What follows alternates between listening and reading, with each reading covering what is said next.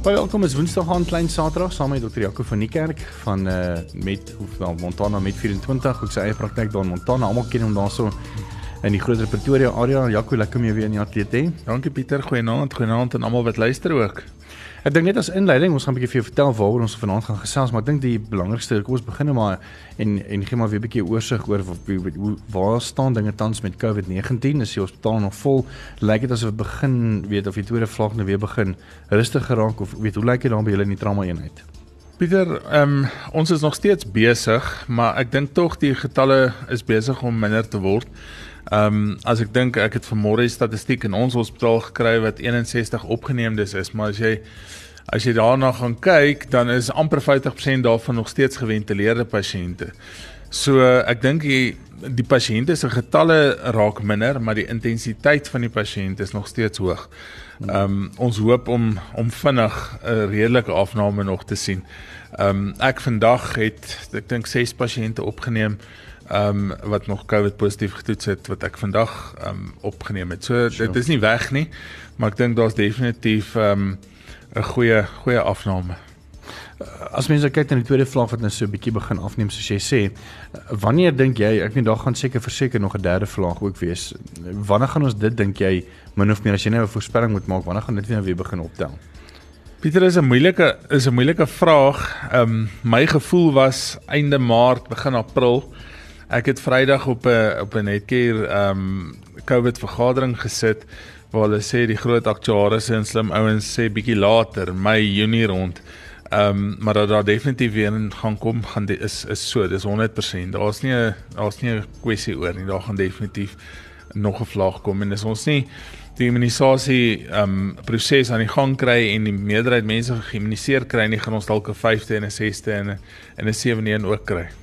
Wat dink jy van die derde vlaag en dan wat nou natuurlik oor ons winter val en die feit dat mense miskien ook nou weet omdat hulle nou 'n bietjie meer higiënies woon, weet ehm um, washande en en die meer dat hulle nie die, die normale kieme optel of die normale griep simptome het nie. Eh, dink jy met COVID en as hulle nou weer griep kry nadat hulle dit vir 2 jaar nie gehad het nie, dit 'n bietjie erger gaan wees?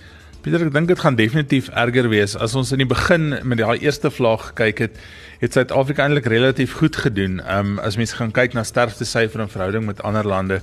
En as mens mooi gaan kyk, die eerste wêreldlande waar geld nie 'n opsie is nie en waar almal goeie medisyne het en het het eintlik slegter gedoen as die derde wêreldlande. Hmm. En een van die redes was omdat die derde wêreldlande se mense baie meer in kontak kom met primitiewe organismes, mikroorganismes. Ons werk nog buite, ons kom buite. Mense loop nog kaalvoet. Ehm um, wat nie in baie eerste wêreldlande en Europese lande gebeur het nie. So ons is heeltyd blootgestel aan primitiewe organismes. So ons immuunstelsel is heeltyd, ek wil amper sê die Engelse woord is geprime om te reageer op hierdie primitiewe organismes. Ehm um, wat dan die ander persone nie gehad het. Nou is ons almal besig om ons eie lading van bakterieë eintlik minder te maak. So ek dink ons gaan definitief meer vatbaar wees. Die ander probleem is net ons het nou gesien tussen die eerste en die tweede vlaag met die nuwe variasies is die infektiwiteit baie hoër. Ehm um, en as ons gaan sit met nog mutasies en nog veranderinge, dan dink ek ehm um, gaan ons infeksiesyfers dalk nog hoër wees as nou so. omdat 'n mens ehm um, eintlik die virus net kwaad maak as jy hom toelaat om meer en meer mutasies te ondergaan. En dan my derde vraag is ek het nou in die nuus gelees van van ehm um, Ivermectin wat nou op 'n half 'n bietjie van 'n limited treatment of COVID-19 in Suid-Afrika goedgekeur is deur die South African Health Products Regulatory Authority. Wat beteken dit nou vir weet kan mense nou gou vanaand uitgaan en môre vir jou vra hoor jy ook soek 'n 'n preskripsie van Ivermectin? ja. Ongelukkig nie. Die ding met met ivermectin is die aard van die saak die aktiewe bestanddeel is mos nou bewys al lank al om om veilig te wees in die mense dan af ook in watter formulasie om gebruik en watse konsentrasie om gebruik. Die meeste artikels verwys na 1% konsentrasie. Die probleem is egter ehm um, gaan jy hom in pilvorm drink, gaan jy hom in 'n vloeistofvorm drink of ek sien die nuutste protokolle sê in 'n vloeistofvorm aansmeer oor vet areas op die liggaam. Nou ek weet nie wat gaan die maar mense dan doen nie, maar in elk geval ehm um, en hoe jy daai absorpsie kan gaan voorspel nie. Die probleem wat mense met ivermectin in sy in sy vorm het wat hy nou is is dat dit lewertoksies is. En wat ons gesien het met die pasiënte wat opgeneem word in hoë sorg en en in ICU is dat as jy COVID positief is, dat jy lewerfunksie inkorting het. So as jy lewerfunksie inkorting het en jy gee lewer toksiese produk want onthou jy kan net deur niere of lewer jou geneesmiddels uitskei weer dan kan jy 'n persoon se lewer inkorting na lewerversaking toe verander. En ek weet nie hoe dis dalk waar die waar die beperkte en en limited treatment soos wat hulle dit dan nou sê gaan wees. Maar ek dink daar kort baie groter studies. Um, as mens na die sosiale media kyk en die studies wat daar aangehaal word dan sê jy sien party van die pasiënt van die studies in aanhalingstekens het net 25 pasiënte in En ek dink met met alle respek, 'n mens kan nie dit 'n studie noem nie, is eintlik net 'n 'n gevalle studie. Hmm. Ehm um, en jy gaan baie groter getalle moet hê en kyk wat's die regte uitkoms. Ehm um, dit help nie jy maak die virus gesond, maar jy maak die pasiënt dood nie. Hmm. En ek dink dis 'n baie baie fyn lyn en ek dink daar gaan nog baie oor gepraat moet word en ek, ek sien uit om hierdie protokolle te sien wat ehm um, wat hulle vir ons gaan gee en uh, wat hulle dink veilig gaan wees want dit gaan baie interessant wees. Bly gou geskakel ons ons gaan 'n bietjie later ook gesels uh, met Ina. Uh, sy is van Chonk, 'n bietjie meer oor die organisasie en die wonderlike werk wat hulle doen uitvind en ons gaan ook 'n bietjie gesels met Zander Enslin, ehm, 'n um, jong seun wat ehm um, alreeds gediagnoseer was met Hodgkin's limfoma en Jaco gaan 'n bietjie meer vir ons vertel oor oor kier, uh, klierkanker en dan sy ma se ook hier ons gaan 'n bietjie met haar gesels so bly geskakel. Enige vrae gedurende die program 061 610 4576 en onthou standaard tariewe geld.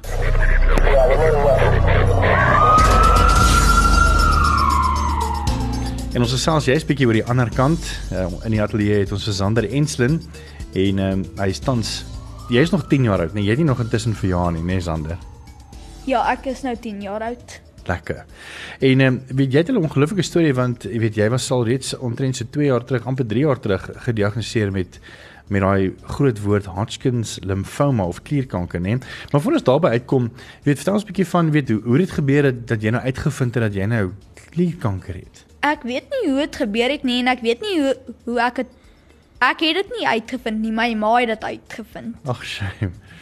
En en hoe het jy dit uitgevind? Uh, het jy net siek gevoel of was jy net by 'n roetine dokter afspraak of hoe het dit gebeur? Ek weet nie hoe het my ma dit uitgevind nie, maar sy het dit uitgevind. 'n Ma weet nê. My nek het soos 'n pimpel opgeswel. O, is dit? ja, kan net 'n bietjie oor ehm um, Hodgkin's limfoma en, en klierkanker ehm um, en veral onder kinders. Ja, ehm um, Pieter Hodgkin's limfoom of Hodgkin's disease word dit ook maar genoem is maar 'n uh, 'n kanker van die limfatiese stelsel. Nou die limfatiese stelsel help eintlik die immuunstelsel om dan uit die aard van die saak organismes ehm um, uh, of bakterieë wat jy dan aan, aan infekteer of of of aanval ehm um, te te te werk en dan ook jou toksine te hanteer. En dis dan 'n kanker van hierdie stelsel wat gewoonlik presenteer um, in jonger mense eerste um, as mens na die statistiek gaan kyk, ander is nou jonger, maar dan sit so tussen 15 en 40 en dan weer die ouer is 55 wat ehm um, die mense dan gewoonlik gediagnoseer word daarmee. Ehm um, en gewoonlik is dit 'n knop ergens ehm um, of op die nek ergens is daar 'n 'n node of 'n limfklier wat jy voel. Ehm um, dis nie noodwendig seer nie en dis hoekom baie mense nie dadelik aandag daaraan gee nie. Ehm um, mense kan dit voel en mense kan dit sien, maar mense wat jou nie elke dag sien of of of ehm um, jy weet oplet nie, gaan nie eers daai soos wat hy nou sê die pimpel en sy nek, gaan nie eers daan eh, twee keer kyk en dink daar's daar's dalk 'n probleem nie. Moegheid is 'n ander ding, bleekheid is 'n ander ding. Ehm um, gewigsverlies, daar's 'n daar's 'n groot verskeidenheid van simptome wat kan kan plaasvind met hierdie siekte. Ehm um, en dit is maar 'n baie ek dink mense moet regtig 'n hoë indeks van suspisie hê en mense moet jou dokter gaan gaan sien as jy enige iets het wat snaaks is wat wat eintlik vir jou net af is en gewoonlik 'n ma weet. Ons het um, ek het in Bloemfontein voorgeraads geswat en hulle het vir ons in pediatrie geleer as jy 'n kind ondersoek en jy kry niks en die ma sê vir jou my kind is siek dan jy net iets gemis. Jy weet jy moet maar net weer gaan soek. Jy gaan iets kry as jy as jy diep genoeg soek. So ek dink 'n ma weet. Ehm um, die behandeling daarvan is eintlik hoofsaaklik uh, chemoterapie. Ehm um, partykeer bestraling by afhangend van van die graad en en en waar dit oral betrek word. Ehm um, daar's soos alle kankers is daar vier stadiums. En afhangend van die stadium is daar ook dan nou die prognose. En Hodgkin limfoom het eintlik 'n goeie prognose as mense dit vroeg kry, dink ek is dit 90% plus wat mense 5 jaar oorlewingssyfer het. Die die die onkoloog het al hierdie hierdie ehm um, prognose of vooruitskatters in terme van statistiek. So hulle praat van 'n 5 jaar oorlewingssyfer in 'n spesifieke graad. Ehm um, so graad 1 en 2 gaan jy waarskynlik hier by 90% plus. Ehm um, graad 3 by by 80% plus 5 jaar oorlewing en dan graad 4 65 wat eintlik hoog is in verhouding met met ander kankers baie keer. En ehm um, ek dink selfs vir 'n gevorderde kanker het mense eintlik 'n goeie uitkoms baie keer en die mense kan 'n vol lewe lei mense hoef nie bang te wees daarvan nie. Ek dink daar's baie ehm um, ek wil amper sê 'n stigma aan die feit dat uh, chemoterapie en kanker en mense sal vir jou baie keer as jy in 'n gesprek sit sê hulle is bang vir chemoterapie en dit goed werk nie en wat ook al.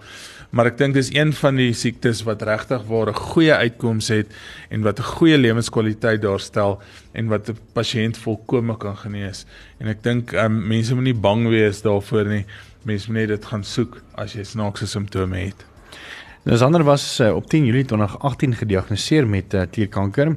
En die enigste opsie vir hom was chemoterapie en sy eerste chemosessie was die 18de Julie 2018. Kan jy dit onthou, Sander? Nee. Nee.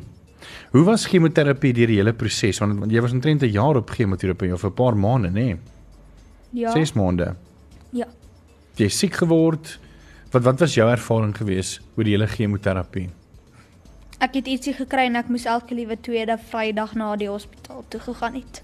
En was dit vir jou lekker om te gaan of was jy maar 'n bietjie bang of was dit eintlik vir jou maar net nog 'n doktersondersoek en jy kry ietsie en dan gaan jy weer huis toe?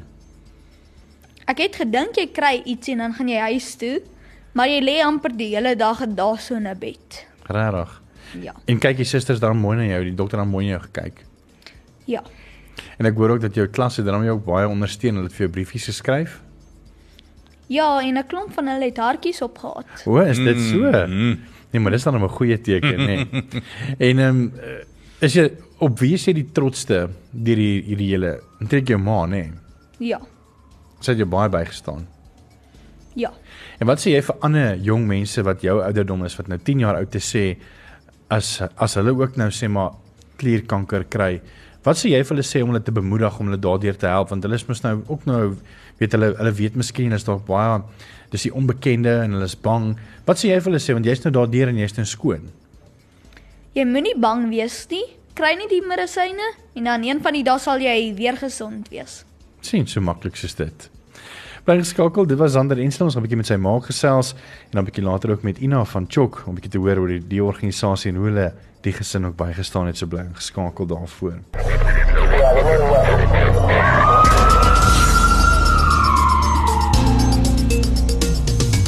Welkom terug by Groot Drama. Ek is Pieter Kloete saam met Dr. Jaco van die kerk en ons het 'n jong gas gehad, Zander Enslin, 10 jaar oud wat uh, al gediagnoseer was met Hodgkin limfoma en ehm um, sy laaste ondersoek die 5de Februarie 2019 het hy goeie nuus gekry dat hy nou skoon is. En uh, hier ook om 'n bietjie haar storie te vertel is sy moeder, Rita Groenewald. Rita, baie welkom. Nou, Pieter.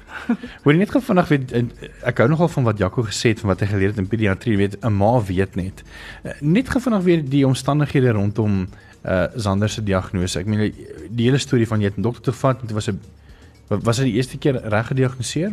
Nee, hy het 'n knop in sy nek gehad en ons het dokter toe gegaan en hulle het gesê hulle weet nie wat dit is nie. Toe het hulle hom gestuur om 'n biopsie te gaan doen. Hulle het 'n biopsie gedoen en die eerste keer was dit skoon. Daar was niks fout nie. En dit was 6 maande daarna toe ehm um, gaan ons weer nou na Healthworks toe en die dokter help hom en sy sê weer nee, daar moet iets fout wees want toe swel hy dubbel op, lyk of hy dubbel nek het. En toe gaan ons weer terug na dieselfde dokter toe en ja, toe het hy die boonste kliere getoets en toe ontdek hulle die kanker. So, ja. En ehm um, hoe hoe jy gevoel? Uh ek meen dit ja, dink dis vir geen ouer wat ehm uh, weet want want gewoonlik ek Jaco het nou gesê die die persepsie is dat as as daar kanker gediagnoseer word is dit mos altyd maar doom and gloom. Uh maar ons het nou wel anders gehoor by Jaco nie waar nie? Ja nee, ag, ek dink jy ek dink nie ons kan daar's 'n beskrywing nie. Ek um, ek dink jy moet ek dink dit sink later in as jy kind eers daar lê en jy besef hy moet daai medisyne kry en dis al wat sy lewe gaan red. So um, ja, dit was 'n skok. Mm. maar ja. Het jy dan medies gehad of moes jy alles weet kon? Nee, ek het dan medies gehad, maar ek moet sê die dokters was baie nou, hulle het hulle pryse afgebring om by die medies aan te pas en die hulp was baie goed van Discovery se kant af. Ons is selfs ook vanaand met Ina Skomfer, sy is van Chok en ehm um, weet hierdie is nou weet miskien ook een van daai goeie stories weet van van Rita wat nou en en haar seun Sander wat in Pretoria kom bly, hulle kon die nodige mediese hulp kry uh, om Sander weet ehm um, te help en hulle het nie enige weet hulle het ook die familiestrukture gehad in Pretoria om hulle emosioneel en weet te ondersteun en die meer. Maar daar's baie ouers Ina wat oor Suid-Afrika bly byvoorbeeld kom ons sê in Nelspruit en dan moet hulle vir spesialis ehm um, uh, behandeling kom in Pretoria en hulle het nie altyd noodwendig weet familie hierso nie en weet ek meen die behandeling natuurlik is al klaar baie weet onbekostigbaar of of baie duur en dan moet hulle nog weet verblyf kry vir vir baie keer weke en dit is regtig onbekostigbaar weet hoe hoe help chok families soos daai Ja, dit is waar ehm um, 'n baie trots is om te werk vir Chok, die ehm um, Childhood Cancer Foundation. En dit is waar, ehm um, Vat 'n voorbeeld van Mpumalanga. Daar is nie 'n pediatriese onkologie eenheid of 'n pediatriese onkoloog in Mpumalanga nie. So daai kinders moet elke dag deurkom Pretoria toe ehm um, vir behandeling. So ons sê altyd chokkes omtrent die hande wat jy gaan vang. En soos Rita sê, dit was 6 maande behandeling. Behandeling kan wees 6 maande tot 'n jaar en kan opgaan tot 3 jaar. En as jy Pretoria toe kom en jy het nie 'n plek om te bly nie, en jy moet gaan vir behandeling en jy word 'n buitepasiënt en jy kan nie 'n gastehuis bekostig nie, wat gaan jy doen? Hmm. Ehm um, jy gaan na jy ehm um, treatment jy gaan na behandeling opsê.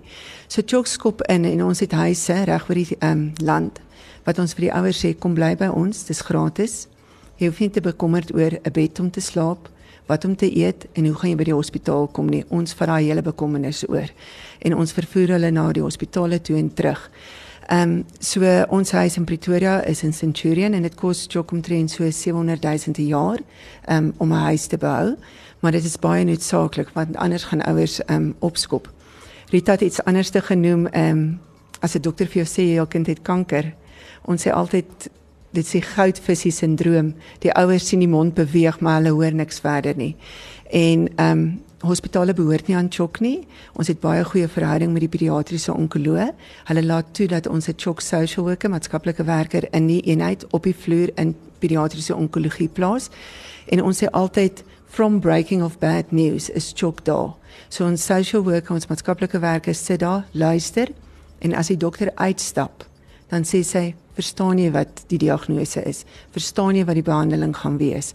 um, hoe lank die pad gaan wees. Want as jy nie mense opvoed nie en hulle gaan huis toe en sommige van ons ouers kom van rural plattelandse areas, daar's baie stigmas, daar's beliefs, daar's myths. En as jy hulle nie opvoed nie, gaan hulle ook behandeling opsê. So ons maatskaplike werker maak seker dat die ouer verstaan wat die diagnose is en ook dan as die behandeling langer word, kyk die maatskaplike werker waar is die ouers se huis. Is daar kos by die huis? 'n Kind op kankerbehandeling het kos nodig en met COVID-19, sjoe. Ehm um, food parcels, ons het dit in die pers gehoor. Ehm um, jy moet seker maak so chokskop in daar met die praktiese ondersteuning en sê is daar kos op die tafel en ons gee ook daai ondersteuning as die kind huis toe gaan. Die maatskaplike werker volg ook op dat die kind terugkom. En die ouers het soms net nie geld vir petrolgeld nie tolhekke om Nelspruit toe te ry kos omtrent R1000. As jy 10 keer op en af moet ry, weet nog R10000 beskikbaar. So ons maatskaplike werker ehm um, kyk na die ekonomiese toestand van die pasiënte en van die ouers en dan gee ons fisies geld in die eenheid en sê hier is geld, gaan huis toe, maar kom terug en maak daai inbehandeling klaar. Met COVID-19, ek het nou net die statistieke gekyk na ehm um, Steve Beaker in ons laaste kwartaal wat Oktober tot Desember is, het ons ehm um, transport ons vervoer onkoste opgegaan vir net daai hospitaal na 85 ag 50000 rand net vir 3 maande. So en is noodsaaklik want anders gaan 'n ouer behandeling opskort. Verder doen ons ook as 'n kind gediagnoseer word so Sander, gaan die maatskaplike werker in met 'n care bag en sy sê hier is ek. Hier is jou care bag. En binne in die care bag is daar 'n parent handbook wat die hele journey um, um, vertel. Ek jammer ek meng my taal verskriklik. Nee, is welkom. Um, en dit is net te sê ons is daar, ons stap die pad saam. Ons het ouers, parent to parent support wat ingaan. Daar's niks vir 'n ouer as 'n ander ouer instap en sê, weet jy wat, my kind was 2 jaar oud, hy's nou 32. Hy het dit oorleef. Daai inspirasie, want 'n ouer kan assosieer daarmee. So ja, Chok is daar in kort. Ons vang hulle. Ons maak seker dat hy kind in behandeling bly. In Suid-Afrika ons oorlewingssyfer is 55%. Dr. Jaco het genoem, ehm um, Rita het genoem bewusmaking. Dis so belangrik. Ehm um, misdiagnose van kinderkanker. Partykeer word dit verwar met tuberkulose. Ons sê altyd vir 'n ouer, as die simptoom nie weggaan nie, as daai knop nie kleiner word nie en 'n dokter het jou op TB behandeling gesit, gaan terug, vra 'n tweede opinie. Ouers glo hulle dokters. Ehm um, dokter Jaco het gesê en prof Reiners noem dit ook altyd as 'n ouer vir jou sê my kind is nie lekker nie vertrou daai ouer want die ouer kind ken sy kind die beste.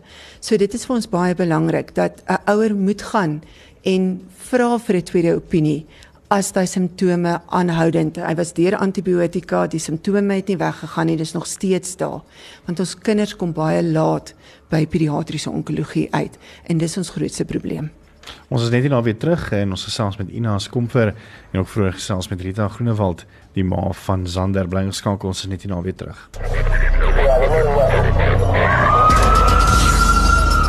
Welkom terug by Groot Drama. Ons gesels 'n bietjie oor uh, Chok en die wonderlike werk wat hulle daar rondom doen. Ek sien ons 'n vraag van Hugo af vir Jaco. Ja, Pieter, Hugo vra, ehm um, as 'n persoon terminale kanker het, kan die persoon nog lewe of nie?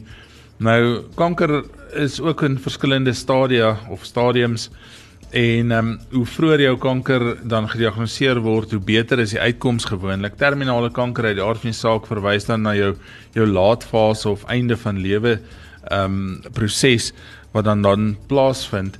So ja, jy kan sekerlik nog rukkie lewe met terminale kanker alhoewel jy redelik siek gaan wees, maar terminale kanker beteken aan die einde van die dag dat mens dan 'n uh, swak prognose het of dat ehm um, oorlewing eintlik nie vir jou in die vooruitsig gestel word nie. Die die groot fokus dink ek wat 'n mens daar moet na kyk is dat dit nie meer dan 'n terapeutiese behandeling is wat jy vir iemand aanbied um, met terminale kanker nie. Jy gaan meer 'n palliatiewe sorg gee. Palliatiewe sorg beteken eintlik ondersteunend en pyn pynverligtend. En ek dink dis ook daar waar Chokkele inkom, is dit nie? Ehm um, ons doen nie ehm um, basies die um, en die einde van die lewe nie, maar ons doen die emosionele ondersteuning hmm. ehm um, vir die ouers wat ehm um, hoor dat daar geen meer behandeling is nie. En wat ek net wil sê wat baie belangrik is, is die kwaliteit van lewe hmm. by die einde van ehm um, as jy hoor daar is niks anders te wat die mediese span kan doen nie. En soos dokter Jaco sê, dit is om die pasiënt gemaklik te hou. En ook by die pasiënte hoor wil hy tyd sy laaste tyd in 'n hospis spandeer en dan met die hospis susters kontak te maak vir die ondersteuning of ehm um, sommige kinders ehm um, verkies dit is nogal snaaks vir die kinders verkies om by die huis te wees. Mm. En dan die ondersteuning dan is daar nog steeds susters wat palliatief sorg doen wat die ondersteuning sal bied aan die familie. Ek dink is belangrik hierdie hierdie palliatiewe sorg die die familie kry baie keer swaarder as die pasiënt op daai stadium want jy kan die pasiënt op uh, morfine infuus sit en jy kan baie dinge doen om hom of haar gemaklik te maak. Ehm um, die pasiënt verstaan ook op daai stadium wat is die potensiële uitkoms en baie van die pasiënte wens eintlik daai laaste tyd ook breek aan, jy weet, ehm um, hulle is moeg beklei en op daai stadium ehm um, is hulle al eintlik amper hulle het hulle het al vrede gemaak met die hele situasie. Maar die familie is nie altyd dieselfde nie en die verwagtinge van die familie is nie altyd dieselfde nie. En dit is 'n baie baie moeilike ding veral in die medisyne kant. Ons is daar om mense te help en as ons nie mense kan help nie, dan weet ons nie eintlik wat om te maak nog nie. Jy weet, um, ek dink dokters is 'n baie slegte ding in terme van emosionele ondersteuning. Ons ons weet eintlik glad nie hoe om dit te doen baie keer dink ek nie. Ehm um, alhoewel jy probeer. Uh en daar dink ek is dit belangrik om die familie te ondersteun want die familie gaan deur hierdie hele pad saam met daai persoon en hulle bly agter en um, hulle is net so bang soos daai pasiënt wat in die bed lê. En Pieter, ek kan net kom, um, ons doen ook um bereavement support chok, so ons maatskaplike werkers bly saam met die familie en maak seker dat die familie ook na die afsterwe ook aanvaarding en daai gedeelte. En dan elke jaar ons laaste naweek in November doen ons 'n remembrance service waar die ouers bymekaar kan kom wat 'n kind verloor het. En sommige ouers kom vir 10 jaar nog steeds na die remembrance service waar hulle saam met ander ouers is wat deur hierdie pad gegaan het. En ja so vind hulle die ondersteuning van mekaar en ook van hulle familie en almal om hulle. Weet jy hoe sou hoe belangrik was familieondersteuning vir jou gewees? Baie want jy het daai mense nodig om net vir daai goeie woordjie te sê net om jou 'n bietjie moedig te maak want jy is 'n robot jy doen dit want jy moet dit doen. Um jy het nie keuse nie. So nee, dit was baie belangrik en ja, Chokole was ook daar. Um as jy daar by die hospitaal instap, het hulle gestaan met hulle smiles en hulle het jou vaskom hou en hulle het met jou gepraat en jy kon ja, dit daar baie om te praat. Glo um dis die beste advies wat iemand kan gee is om praat met hart uit. Hmm kleit van die hart af. Ons is net nou weer terug en nog ons 'n bietjie gesels oor flip-flop dag wat so om die draai is en ook hoe jy kan betrokke raak so bly geskakel daarvoor.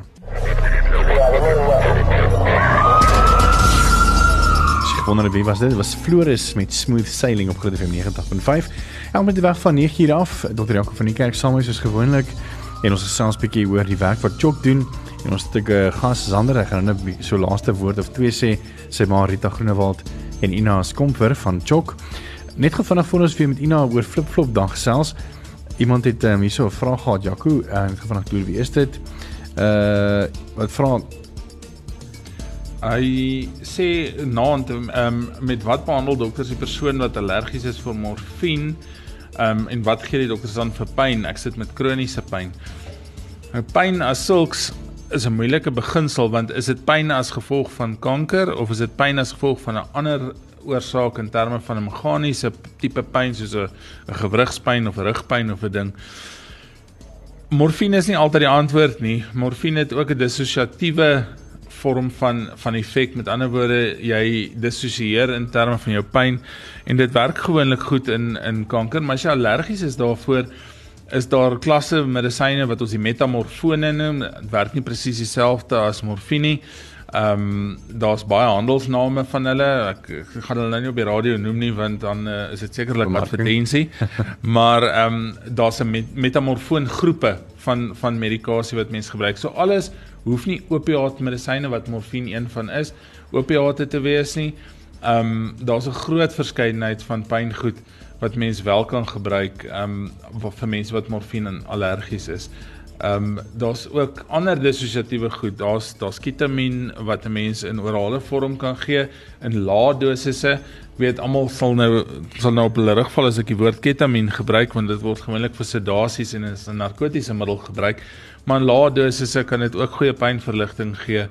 Um, en dit is ver weg van morfine as ehm um, as 'n middel en as 'n groep van middel vir pynhantering.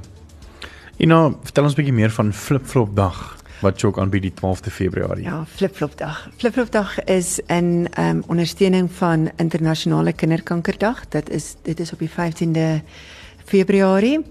Ons rally almal om op die 12de Februarie hulle flip-flops aan te sit. Have a heart, wear a soul en stap daai journey wat Zander gestap het en saam met die kinders wat kinders ehm um, gediagnoseer is met kanker en hulle families. Jaarliks diagnoseer ons so 1000 kinders. En ehm um, ja, en dis 'n inspirasie vir elkeen van ons wat besef dat ehm um, yes like it jy kan challenges ehm um, wat is oorkom. oorkom. Dankie Pieter.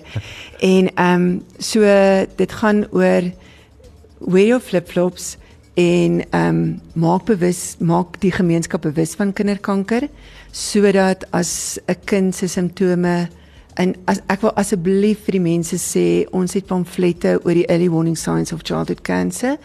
Ehm um, ehm um, besoek die CHOC webwerf.